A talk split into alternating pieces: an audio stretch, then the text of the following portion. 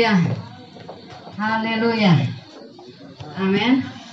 Orang yang bersemangat, firman Tuhan bilang dia bisa menanggung penderitaannya. Orang yang bersemangat nggak pernah bisa ditembak musuh oleh kesusahan sekalipun. Haleluya. Anda tidak akan digoyahkan oleh apa pun yang terjadi di kanan kirimu. Katakan amin. Bilang sama tetanggamu, bilang gini saudara. Bukan aku nggak peduli, tapi aku nggak mau goyah kalau lihat engkau. Bilang dulu kanan kiri, bukan aku nggak peduli kamu.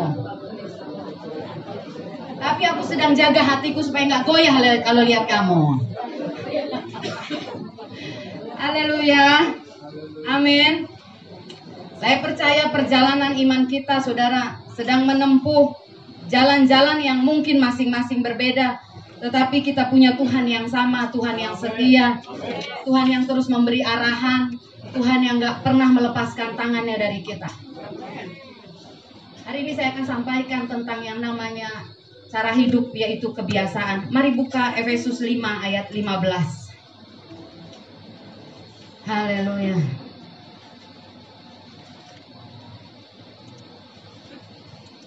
Efesus 5 ayat 15. Mari saya jemput kita semua bangkit berdiri kembali kita baca ayat firman Tuhan ini. Mulai dari ayat 14 sampai ayat 16. Kita baca bergantian, saya ayat 14, saudara ayat 15. Nanti ayat 17 kita sama-sama. Itulah itulah sebabnya dikatakan bangunlah hai kamu yang tidur dan bangkitlah dari antara orang mati dan Kristus akan bercahaya atas kamu. Karena itu perhatikanlah seksama bagaimana kamu hidup. Janganlah seperti orang bebal, tetapi seperti orang arif. Bolehkah saudara berhadap-hadapan cari temennya dua ulangi ayat 16 ini? Ayat 15 ini. Saling lihat. Nasihati kanan kirimu. Saudara yang selama ini rasanya minder mau nasihatin orang, pakai firman Tuhan ini untuk nasihatin dia. Katakan haleluya. Anda yang adik kakak, orang tua dengan anak, teman kersel yang susah nasehatin, hari ini waktu yang baik buat kita. Katakan amin. Waktu Anda baca, pastikan Anda sedang menatap dia. Sambil baca, sambil tatap. Pas ada kata jangan bodoh, teguhkan dia untuk nggak bodoh. Katakan haleluya. Ayat 15, sama-sama, dua ya. Karena itu perhatikanlah dengan seksama bagaimana kamu hidup. Janganlah seperti orang bebal, tetapi seperti orang arif. Sudah balik ke depan saya yang baca. Dan pergunakanlah waktu yang ada karena hari-hari ini adalah jahat. Ayat 17 hadap-hadapan lagi. Sebab janganlah kamu bodoh, tetapi usahakanlah supaya kamu mengerti kehendak Tuhan. Salam orang yang bacain buat engkau bilang makasih ya. Silahkan duduk kembali.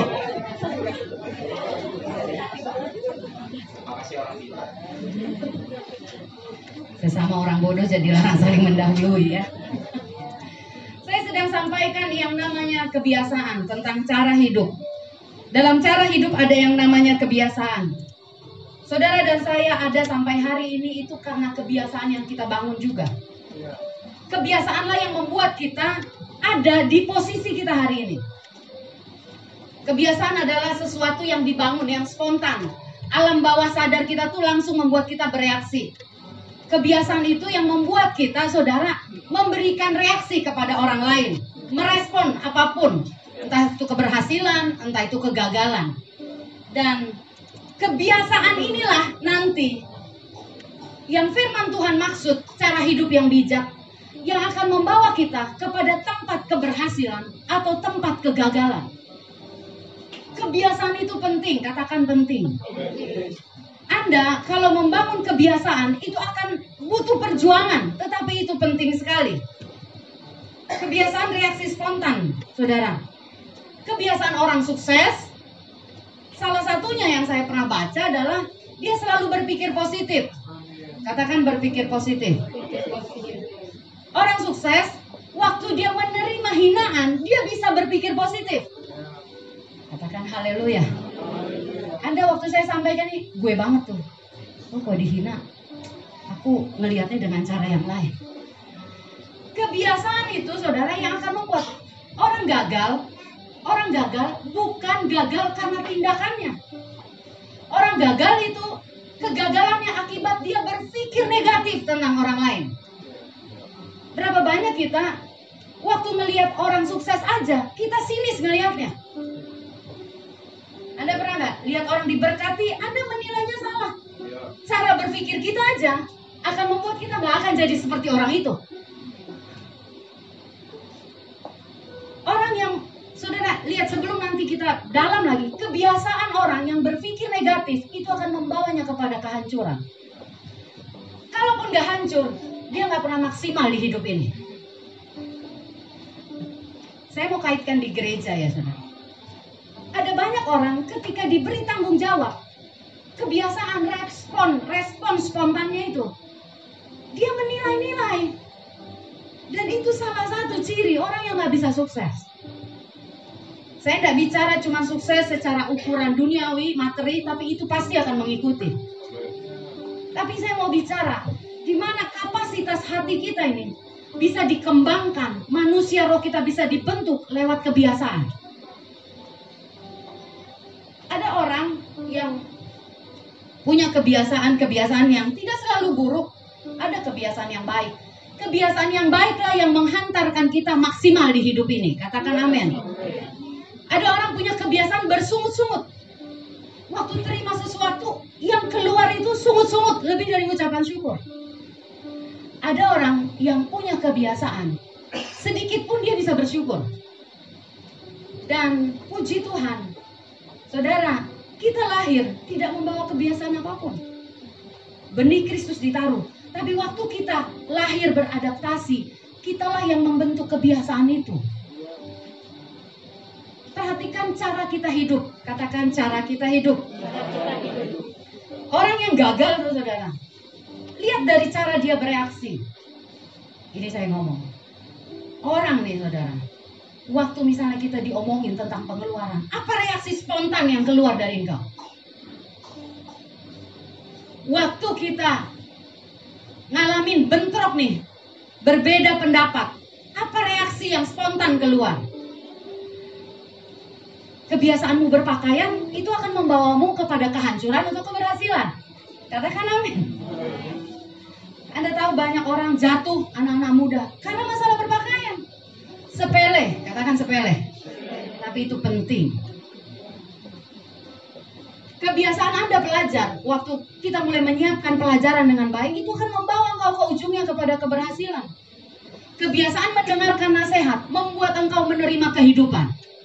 Tapi sayangnya banyak orang di ujungnya dia harus menangis mengakui itu. Dia bilang ini, makasih ya. Ternyata semua yang kamu bilangin sama aku benar. Tapi sayangnya aku nggak sempat lakuin. Alkitab mencatat, saudara. Saya baca ayat yang tadi. Paulus berkata begini di ayat 14-nya. Itu sebabnya dikatakan, bangunlah hai kamu yang tidur, dan bangkitlah dari antara orang mati, dan Kristus akan bercahaya atas kamu. Karena itu perhatikan dengan seksama bagaimana kamu hidup. Katakan sama-sama bagaimana saya hidup. Di sana ada kebiasaan. Anda mengerjakan sesuatu, entahkah itu di pekerjaan, entahkah itu di rumah. Cara kita merespon itulah lahir dari kebiasaan. Makanya saudara nanti kita akan baca, kita buka dulu kitab Hakim-Hakim ada seorang yang lahir dari lahir ditentukan jadi nazir. Lahir dari seorang ibu yang menjaga rahimnya.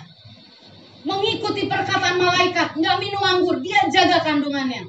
Tapi sayangnya, kebiasaan anak inilah yang menghancurkan potensi terbaik yang Tuhan beri kepadanya.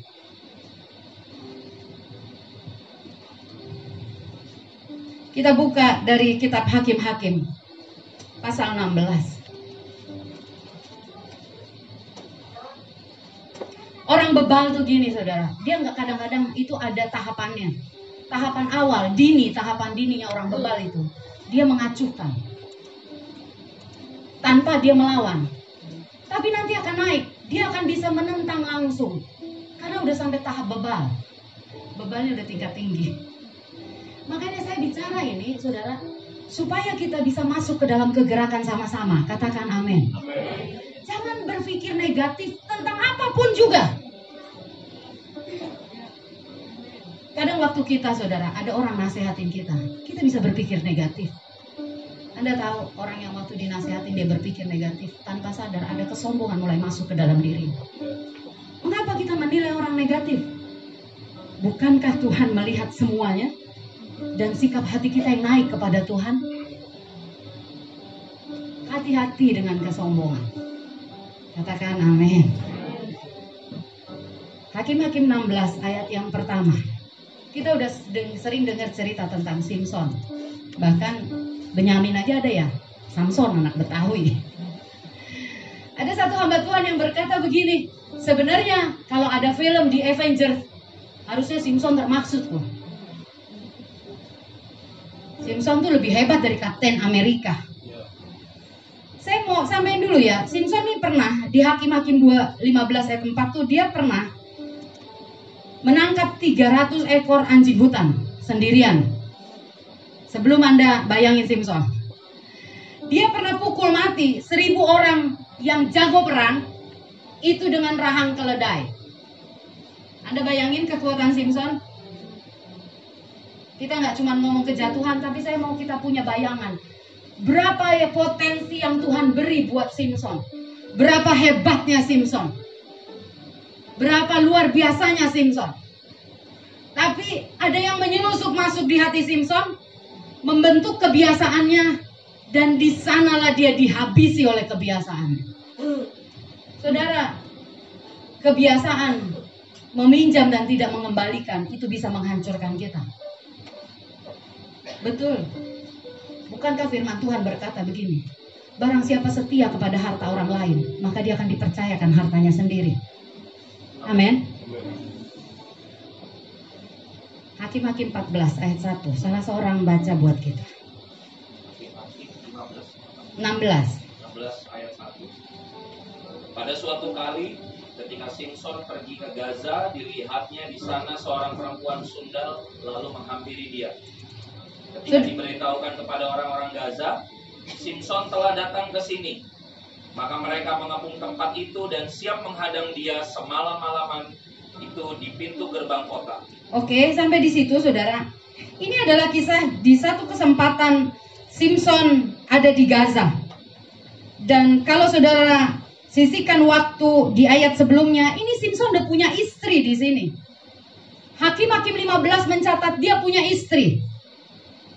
Simpson punya kebiasaan yang pertama, menganggap remeh kekudusan. Punya kebiasaan nginginin aja hatinya. Ke mana hatinya ditarik, dia nggak peduli dengan semuanya. Dia mengikuti, bilang begini saudara sama mengalir. Kita sering pakai istilah itu, mengalir. Tapi kalau engkau tidak tinggal di tepi aliran-aliran air yang baik, aliranmu itu pasti ke air yang keruh. Simpson ngalir tapi sayangnya mengalir mengikuti dagingnya, yang di dalamnya ada potensi menghancurkan dia. Coba lihat saudara, masih di ayat yang di pasal yang sama. Mungkin saudara berpikir Simpson cuma menghampiri kok. Saudara kita nggak perlu detailin apa yang namanya menghampiri di sini. Katakan haleluya. Alkitab itu sopan. Katakan sopan. Cuman kadang-kadang kesopanannya membuat kita mengartikan terlalu ringan. Artinya menghampiri dia datengin itu perempuan dan bukan cuma datang kongko-kongko. Selanjutnya nggak usah dipikirin. Haleluya. Lihat ayat selanjutnya dan saya akan mulai ajak kita melihat. Belum satu pasal, katakan belum satu pasal. Masih beberapa ayat, ayat yang keempat, lihat. Ayat pertama dia di Gaza, ngelihat perempuan, Simpson tuh biasa matanya diikutin keinginan mata diturutin dan keinginan matanya yang menghancurkan dia. Saudara jangan bilang gini, untung aku nggak kayak Simpson. Anda tahu keinginan mata kita sering kali membawa kita pada kehancuran. Wanita-wanita katakan amin. Haleluya. Pria-pria. Kadang-kadang mata ngelihat yang bening-bening bertobat. Haleluya.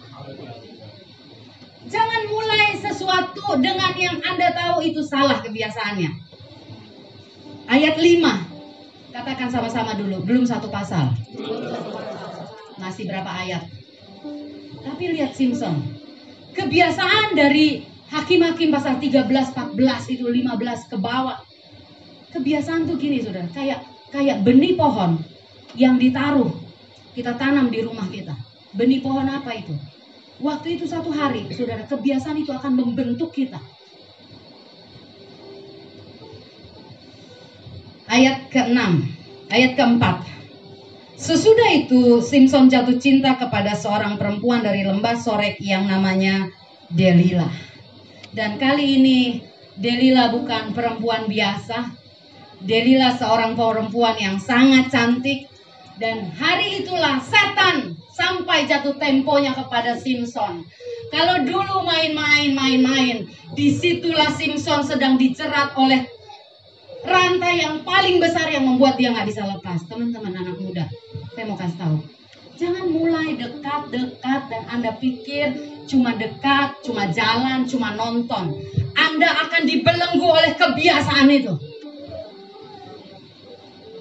cuma jalan, cuma nonton, satu hari Anda akan diperdaya dihabisi di sana. Percaya. Kadang-kadang saya ngelihat ya, anak-anak muda ya, jalan, nonton, hanya hangout. Satu hari engkau wanita-wanita, mulai dipegang tanganmu. Jangan pernah bilang begini, aku kuat kok. Simpson ngalahin seribu orang dengan rahang keledai. 300 anjing hutan itu gimana liarnya. Bisa ditundukin sama Simpson. Tapi Delila nggak bisa dia kalahin. Saya mau bicara dengan sungguh-sungguh saudara. Tiap kali Tuhan bicara ada kegerakan. Dia selalu mau kita punya respon dan kebiasaan yang tepat. Amin. Karena kebiasaan yang tepat akan membuat kita seperti menyambut kegerakan Tuhan. Delila Perempuan yang cantik. Saya akan baca ayat ini buat kita semuanya. Lalu datanglah raja-raja kota orang Filistin kepada perempuan itu sambil berkata, Cobalah bujuk dia untuk mengetahui. Karena apakah kekuatannya demikian besar? Delila mulai merengek. Delila mulai nanya, apa sih Simpson kekuatanmu? Mas Adit bantu ayat selanjutnya. Nanti saya akan kasih abah-abah kalau berhenti. Ayat 6. Ayat yang ke-6, lalu berkatalah Delila kepada Simpson, ceritakanlah kiranya kepadaku, karena apakah kekuatanku demikian besar, dan dengan apakah engkau dapat diikat untuk Jawab Simpson kepadanya, jika aku diikat dengan tujuh tali busur yang baru, Tujuh tali busur, ya. yang belum kering, maka aku akan menjadi lemah dan menjadi seperti orang lain mana pun juga. Ya. Lalu raja-raja kota orang Filistin membawa tujuh tali busur yang baru yang belum kering kepada perempuan itu dan ia mengikat Simpson dengan tali-tali itu. Saudara yang pertama, Delila bilang gini, Simpson kasih tahu aku dong kelemahan. Simpson biasa dalam hidupnya nggak punya standar naksir siapa juga. Dengar, Simpson nggak punya standar.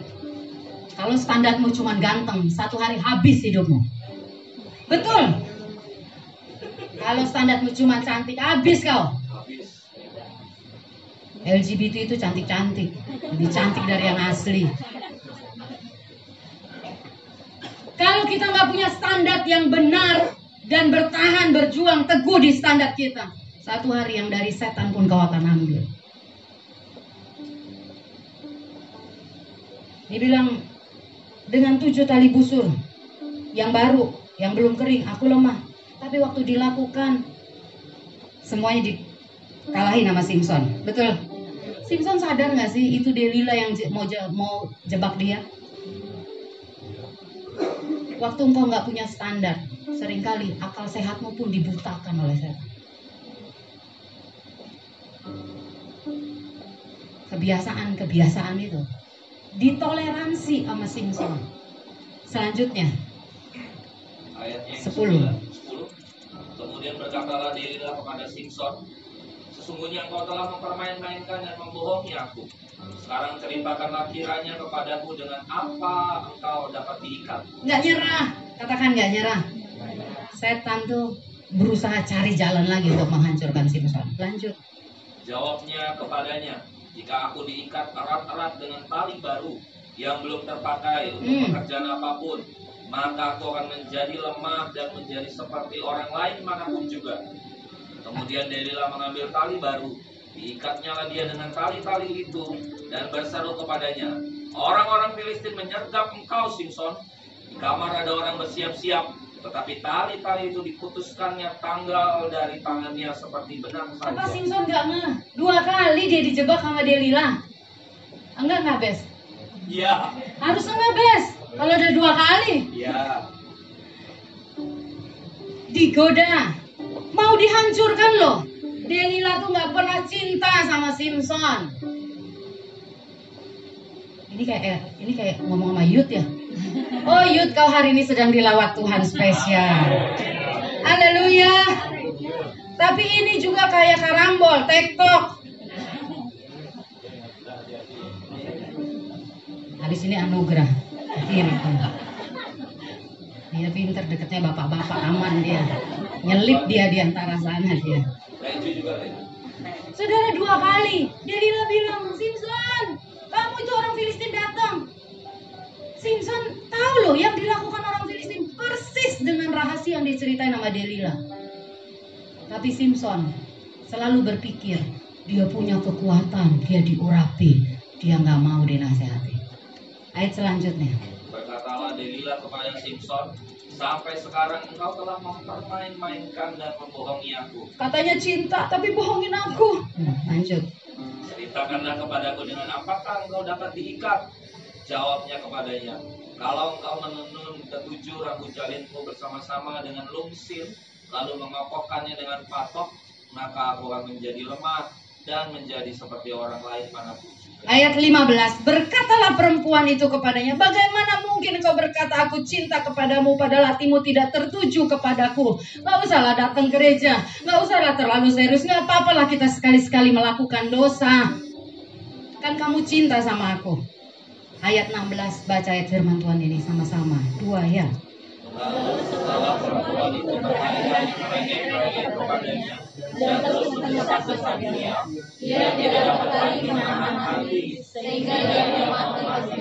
Simpson gak pernah mau mati ngadepin anjing hutan. Simpson gak pernah mau mati ngadepin seribu tentara. Simpson gak pernah mau mati ngadepin musuh. Tapi Simpson mau mati karena akibat kebiasaan buruk yang dipeliharanya. Hati-hati terhadap rengekan. Katakan amin. Laki-laki sekuat Simpson itu hancurnya bukan dengan pedang, tapi dengan rengekan. Hai perempuan-perempuan, jaga rengekanmu.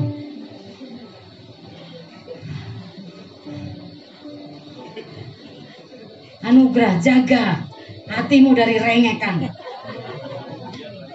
Bapak-bapak, jaga hatimu dari rengekan-rengekan yang membuat lo keluar dari jalan Tuhan. Katakan haleluya. Mas Adit mau nengok sama Ani. Dia cuma dari ekor mata.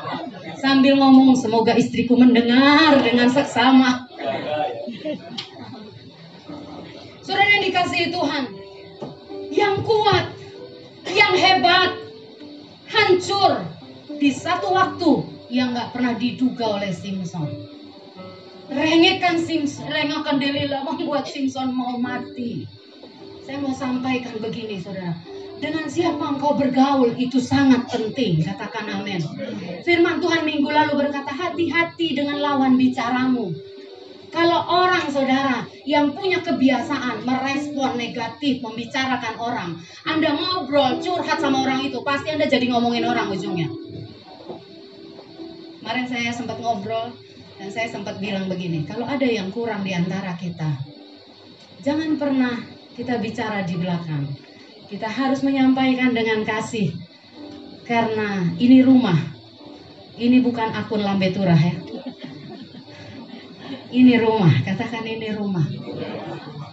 Saudara, Waktu saya baca ayat ini, saya mulai ingat begini. Apakah Simpson dibiarkan Tuhan begitu aja jalannya?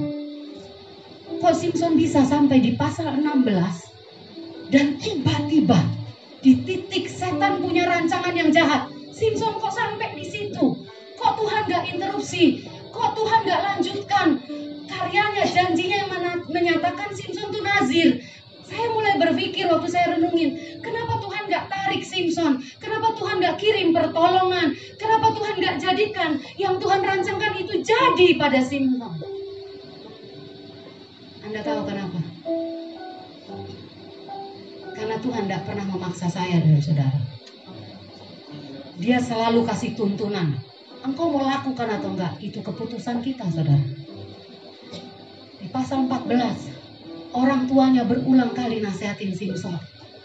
Orang tuanya berkata, jangan Simpson, aku suka dengan perempuan Timna. Orang tuanya berkata, jangan Simpson. Tapi Simpson bilang, aku mau dia. Dan Simpson dengan percaya diri, dengar saudara. Serohani apa pun kita. Sehebat-hebatnya pengurapan yang saudara dan saya terima. Beri telinga dan hati untuk setiap nasihat dan tuntunan. Katakan amin. Karena ada jalan yang kita tidak tahu dan Tuhan titip lewat orang-orang tertentu di hidup kita. Simpson dihabisi di sana. Betapa pentingnya kebiasaan itu, saudara. Kehebatan, pengurapan, hancur dari yang namanya kebiasaan. Kadang kita dengar saudara firman, di hati kita terinspirasi mau lakukan tapi inspirasi aja nggak cukup. Daud seorang yang mempunyai kebiasaan baik. Daud ngerti banget dia punya kelemahan, katakan punya kelemahan. Bapak Ibu, kita harus sadar kita punya titik lemah masing-masing kita. Jangan selalu berkata aku kuat, aku nggak perlu orang lain. Daud mengizinkan Nabi Nathan di posisi dia udah jadi raja, udah jadi raja, dia izinkan seorang nabi ada di dekat dia. Itu nggak langsung jadi. Itu dimulai dari sikap hati, dari kebiasaannya menghormati orang yang diurapi Tuhan. Waktu posisinya diangkat, saudara, waktu dia diurapi oleh Samuel, dia menempatkan Samuel itu buat dia. Waktu dia jadi raja, Samuel nggak ada, dia taruh Nabi Nathan penting buat dia. Dan saudara, kalau engkau bergaul dengan orang, engkau punya hubungan dengan orang. Waktu engkau menasehati, engkau akan tahu nasihatmu diterima apa enggak. Hati kita ini akan bicara nasihat kita diterima atau ditentang. Nathan dekat dengan Daud dan Nathan sangat tahu Daud selalu terima nasihatnya. Sampai satu hari, waktu Daud jatuh, waktu Daud berzina, waktu Daud jadi pembunuh berencana, Nathan menyelamatkannya. Simpson dengan kehebatannya dia tidak pernah izinkan ada orang di dekatnya. Saya berdoa hari ini saudara firman ini menyadarkan kita semua. Katakan amin. Sehebat apa pun, sebiasa apa pun jalan yang kita tempuh, beri orang untuk dekat dengan engkau, menasehati dan menuntun engkau. Katakan amin. Coba lihat Amsal 22.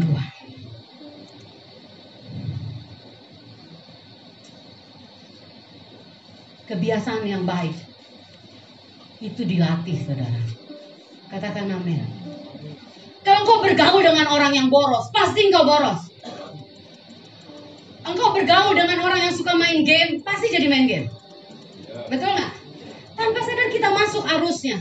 Makanya firman Tuhan bilang gini, hati-hati, pergaulan yang buruk merusak kebiasaan yang baik. Coba mulai deh engkau bergaul dengan orang yang kadang-kadang sembarangan hidupnya, tiba-tiba Anda akan sembarangan. Saya mau sampaikan gini saudara, cara berpakaianmu aja ditentukan dengan siapa engkau bergaul. Amsal 22 ayat 24. Kita akan sampai kepada poinnya. Amsal 22 ayat 24. Baca sama-sama saya jemput kita bangkit berdiri. Saya berdoa hari ini saudara, potensi-potensi nazir yang Tuhan taruh dalam diri kita nggak akan mati oleh kebiasaan kita. Katakan amin. Kita akan membiarkan ada Nathan-Nathan di sekeliling kita yang menasehati kita. Kita akan mengizinkan orang-orang di sekitar kita Tuhan pakai untuk menuntun kita. Amsal 22 ayat 24 sampai 25. Dua ya. Jangan berteman dengan orang yang bekas dosa. Jangan bergaul dengan orang pemarah. Supaya engkau jangan menjadi biasa dengan tingkah lakunya dan memasang jerat bagi dirimu sendiri. Kita ulangi. Dua ya. Jangan berteman Dengan orang yang bekas dosa. Jangan bergaul seorang pemarah. Supaya engkau jangan menjadi biasa dengan tingkah lakunya dan memasang jerat bagi dirimu sendiri. Saya mau ganti dengan kata-kata saya. Jangan berteman, berteman dengan orang yang boros. Jangan bergaul dengan orang yang baper. Supaya engkau jangan menjadi biasa dengan tingkah langkahnya dan memasang jerat bagi dirimu sendiri. Anda bisa ganti dengan berkata, jangan berteman dengan orang yang apa? Yang sering menganggap remeh. Jangan berteman dengan orang yang suka apa? Karena kebiasaan baik kita bisa berkurang lewat pergaulan. Katakan amin. Engkau bisa membangun kebiasaan ketika engkau berkumpul di gereja, tapi waktu saudara saya bayangin gini, kita di gereja seminggu sekali. Ada lagi di Kersel, seminggu bisa dua kali lah kita dua tiga. Tapi sekian hari Anda ada di komunitas yang Anda pilih sendiri. Dan di sanalah yang engkau bangun di di sesuatu uh, komunitas yang rohani ini bisa berkurang atau bertambah. Dia berkata supaya engkau jangan menjadi biasa, katakan menjadi biasa. Silahkan duduk. Kebiasaan dipengaruhi oleh lingkungan kita. Saudara, kebiasaan makan. Dulu saya suka makan dengan angkat kaki. Ngeri banget ya. Lebih enak kayak di warteg. Tapi waktu saya mulai masuk, sudah dulu di lapo, temennya kondektur. Ya om ya, supir. Makin diangkat tuh makin sedap. Saya tuh pakai sendok garpu tuh kaku sekaku kakunya. Makanya aneh ketemu Bang Obed makan kepiting aja pakai sendok garpu. Saya bilang, kalau saya jangankan masuk makan kepiting, makan apa juga bisa lepas. Kenapa? Karena dulu saya punya kebiasaan kaki diangkat dan nggak peduli orang. Tapi ingat, seiring dengan bertumbuh ada kebiasaan yang harus dipangkas. Katakan dipangkas. Waktu saya mau dibawa menggenapi rencana Tuhan, ketemu raja-raja, saya nggak bisa bilang gini, emang gue udah begini dari sono, lari semua, betul lah. Jangan cerewet lah kak, yang penting kalau aku doain orang rebah. Aku punya pengurapan, aku bisa nyampein firman, tapi cara hidup nggak pernah dirubah, angkat kaki. Anda kira-kira mau nggak punya ibu gembala kayak gitu? Anda undang ke kantor pelayanan. Ayo kak makan, ayo makan. Dalam hati Anda gini, ya Tuhan, gue dengar khotbahnya aja, tapi dia jangan jadi ibu gembala gue dah. Cara hidup yang harus diselaraskan. Nah, saya mau sampaikan, begitu saya mulai tumbuh, saya harus berubah. Saya harus belajar pakai sendok garpu, makan dengan kaki di bawah. Kita nggak bisa bilang begini, aku nih emang begini. Kebiasaan, saudara, kebiasaan kita itu satu waktu akan membawa kita ke tempat yang kita nggak ingini. Orang kebiasaan merokok, dia harus tahu ujungnya itu rumah sakit. Itu udah jelas. Anda lihat ke sini aja. Saya nggak lagi ngomong, saya sedang menyampaikan firman. Kebiasaan boros akan membuat Anda nggak akan pernah dipercayakan harta benda apa pun. Betul. Kebiasaan. Kemarin pergi sama Ellen. Saya tongkrongin dia untuk minum air putih. Jangan jadi suster kalau kurang minum. Gak apa-apa, karena udah deket jadi saya ngomong dari sini dia pasti gak apa-apa. Yang kita tahu, tapi kadang kita lakukan terus kok. Gak boleh kurang minum air putih, tapi kenyataannya kita kurang minum air putih. Saya sedang gini saudara, belakangan saya sedang berdoa begini, Tuhan, kenapa ya? Saya kok makin rasa gini, kenapa ya dalam hal misalnya keuangan, kok saya belum jebol? Kalau engkau datang sama Tuhan dengan hati yang tulus, jujur, gak mungkin dia gak ngomong. Gak mungkin. Dan roh kudus mulai ajarin saya. Kadang kita mau mulainya dari titik minus. Udah banyak kesalahan. Tapi, waktu engkau datang kepada dia, yang saya tahu, roh kudus ajarin saya kebiasaan yang saya harus rubah. Anda tahu, sepele banget. Saya bilang sama Kak Sari, Pak Sutri itu lengkap soal keuangan. Kalau itu dilakuin, udah jebol jadi pengusaha semua kita. Saya mulai ambil list pelajaran keuangan Pak Sutri. Saya catat pengeluaran. Dan ternyata Anda tahu, saya punya kebiasaan buruk. Adalah apa? Pesen GoFood nggak pernah hitung budget pengeluarannya berapa. Pesen, pesen, pesen. Dan saya mulai list. Ini pengeluaran yang nggak boleh, ini nggak boleh. Saya mulai bertobat dari kebiasaan yang akan menjerat saya, menjatuhkan saya. Dan saya mulai setting, waktu ini bisa saya coret, saya pasti bisa nabung kebiasaan itu dilatih, katakan dilatih. Kebiasaan Anda jorok itu juga harus dilatih jadi orang bersih. Katakan haleluya. 1 Korintus 9 ayat 27. Saudara, yang jasmani ini perlambang dari yang rohani. Katakan amin. Kalau rohmu itu menyala-nyala, rohmu sensitif sama Tuhan, pasti engkau jadi etalase Tuhan yang luar biasa. 1 Korintus 9 ayat 27. Paulus menegaskan kepada kita. Dia punya kebiasaan. Tapi kebiasaannya itu hasil latihan. Katakan hasil latihan.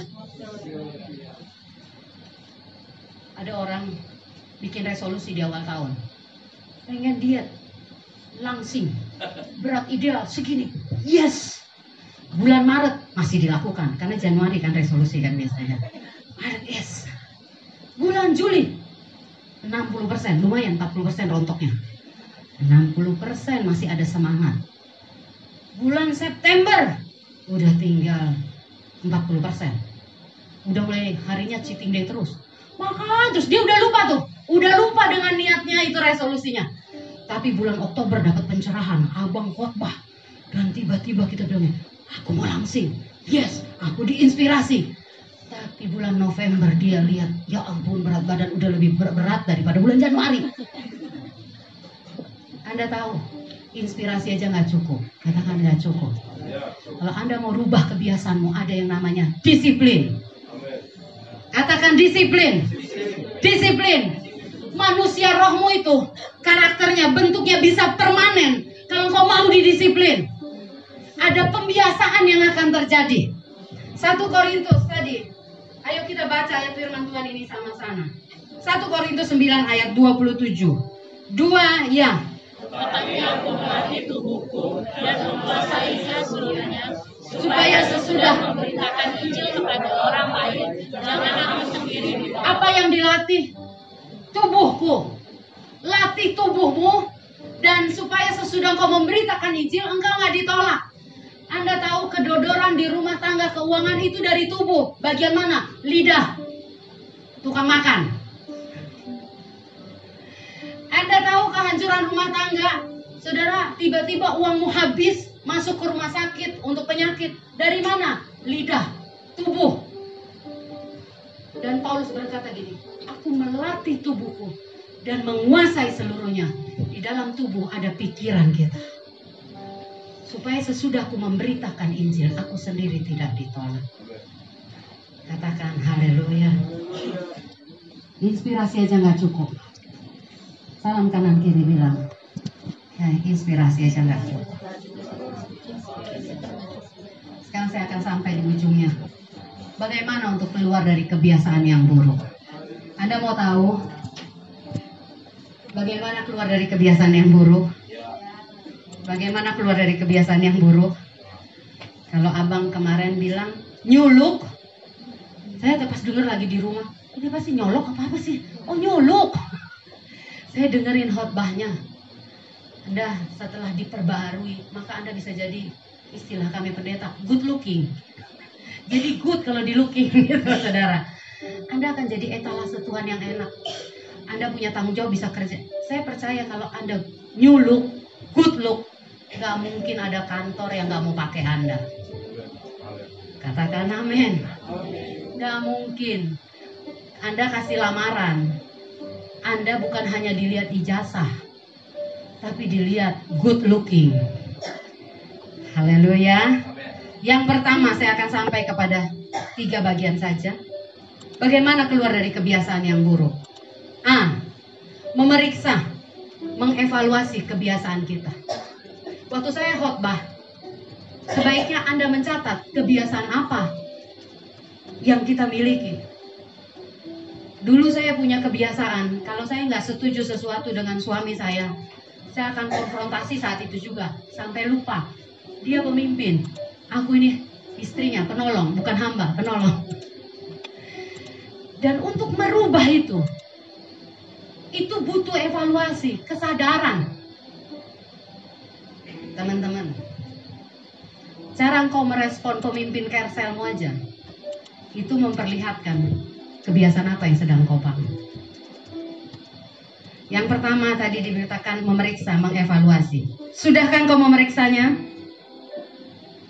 Yang kedua, mengakui. Katakan mengakui. Bagaimana mungkin kita ditolong kalau kita ditanya, kamu punya kebiasaan buruk apa? Enggak ada. Kamu mau ditolong apa? Enggak, aku mau baik-baik aja. 1 Yohanes ayat 1, 1 Yohanes 1 ayat 8 berkata begini. Jika kita berkata bahwa kita tidak berdosa, maka kita menipu diri kita sendiri. Dan kebenaran gak ada dalam diri kita. Bolehkah sebentar saudara setengah menit, coba catat di handphone suci kita. Kebiasaan buruk apa yang menurut Anda, iya nih ini akan pasti bawa aku nih ke ujung nih. Pasti hancur nih aku. Silahkan dicatat saudara. Kita ibadah bukan cuma sedar dengar khotbah.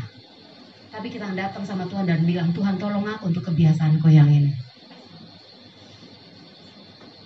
Anak muda, ya kebiasaanku ya itu kak kalau ada yang ngajak jalan dan kebetulan waktunya bisa ya aku sih akan pergi aja nggak tahu dengan siapa yang penting aku bisa hangout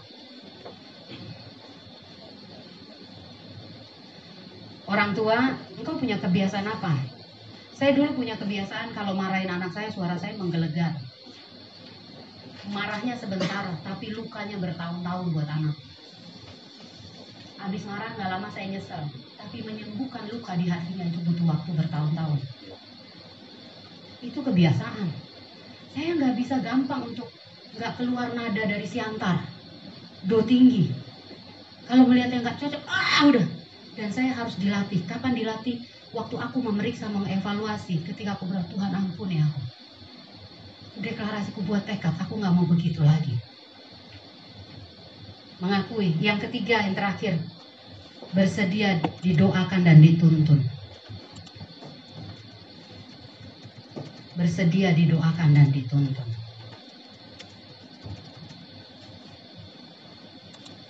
Katakan haleluya. Manusia baru kita saudara bisa tumbuh jadi karakter yang permanen dalam hidup kita. Melalui pembiasaan. Melalui pembiasaan. Apakah benih seorang nazir, benih seorang hamba Tuhan, benih kebenaran dalam dirimu sedang tumbuh oleh kebiasaan atau sedang kita mulai pangkas, sedang mulai kita pangkas. Orang yang membangun kebiasaan yang baik, dia bisa merespon dengan baik semuanya. Sudah selesai?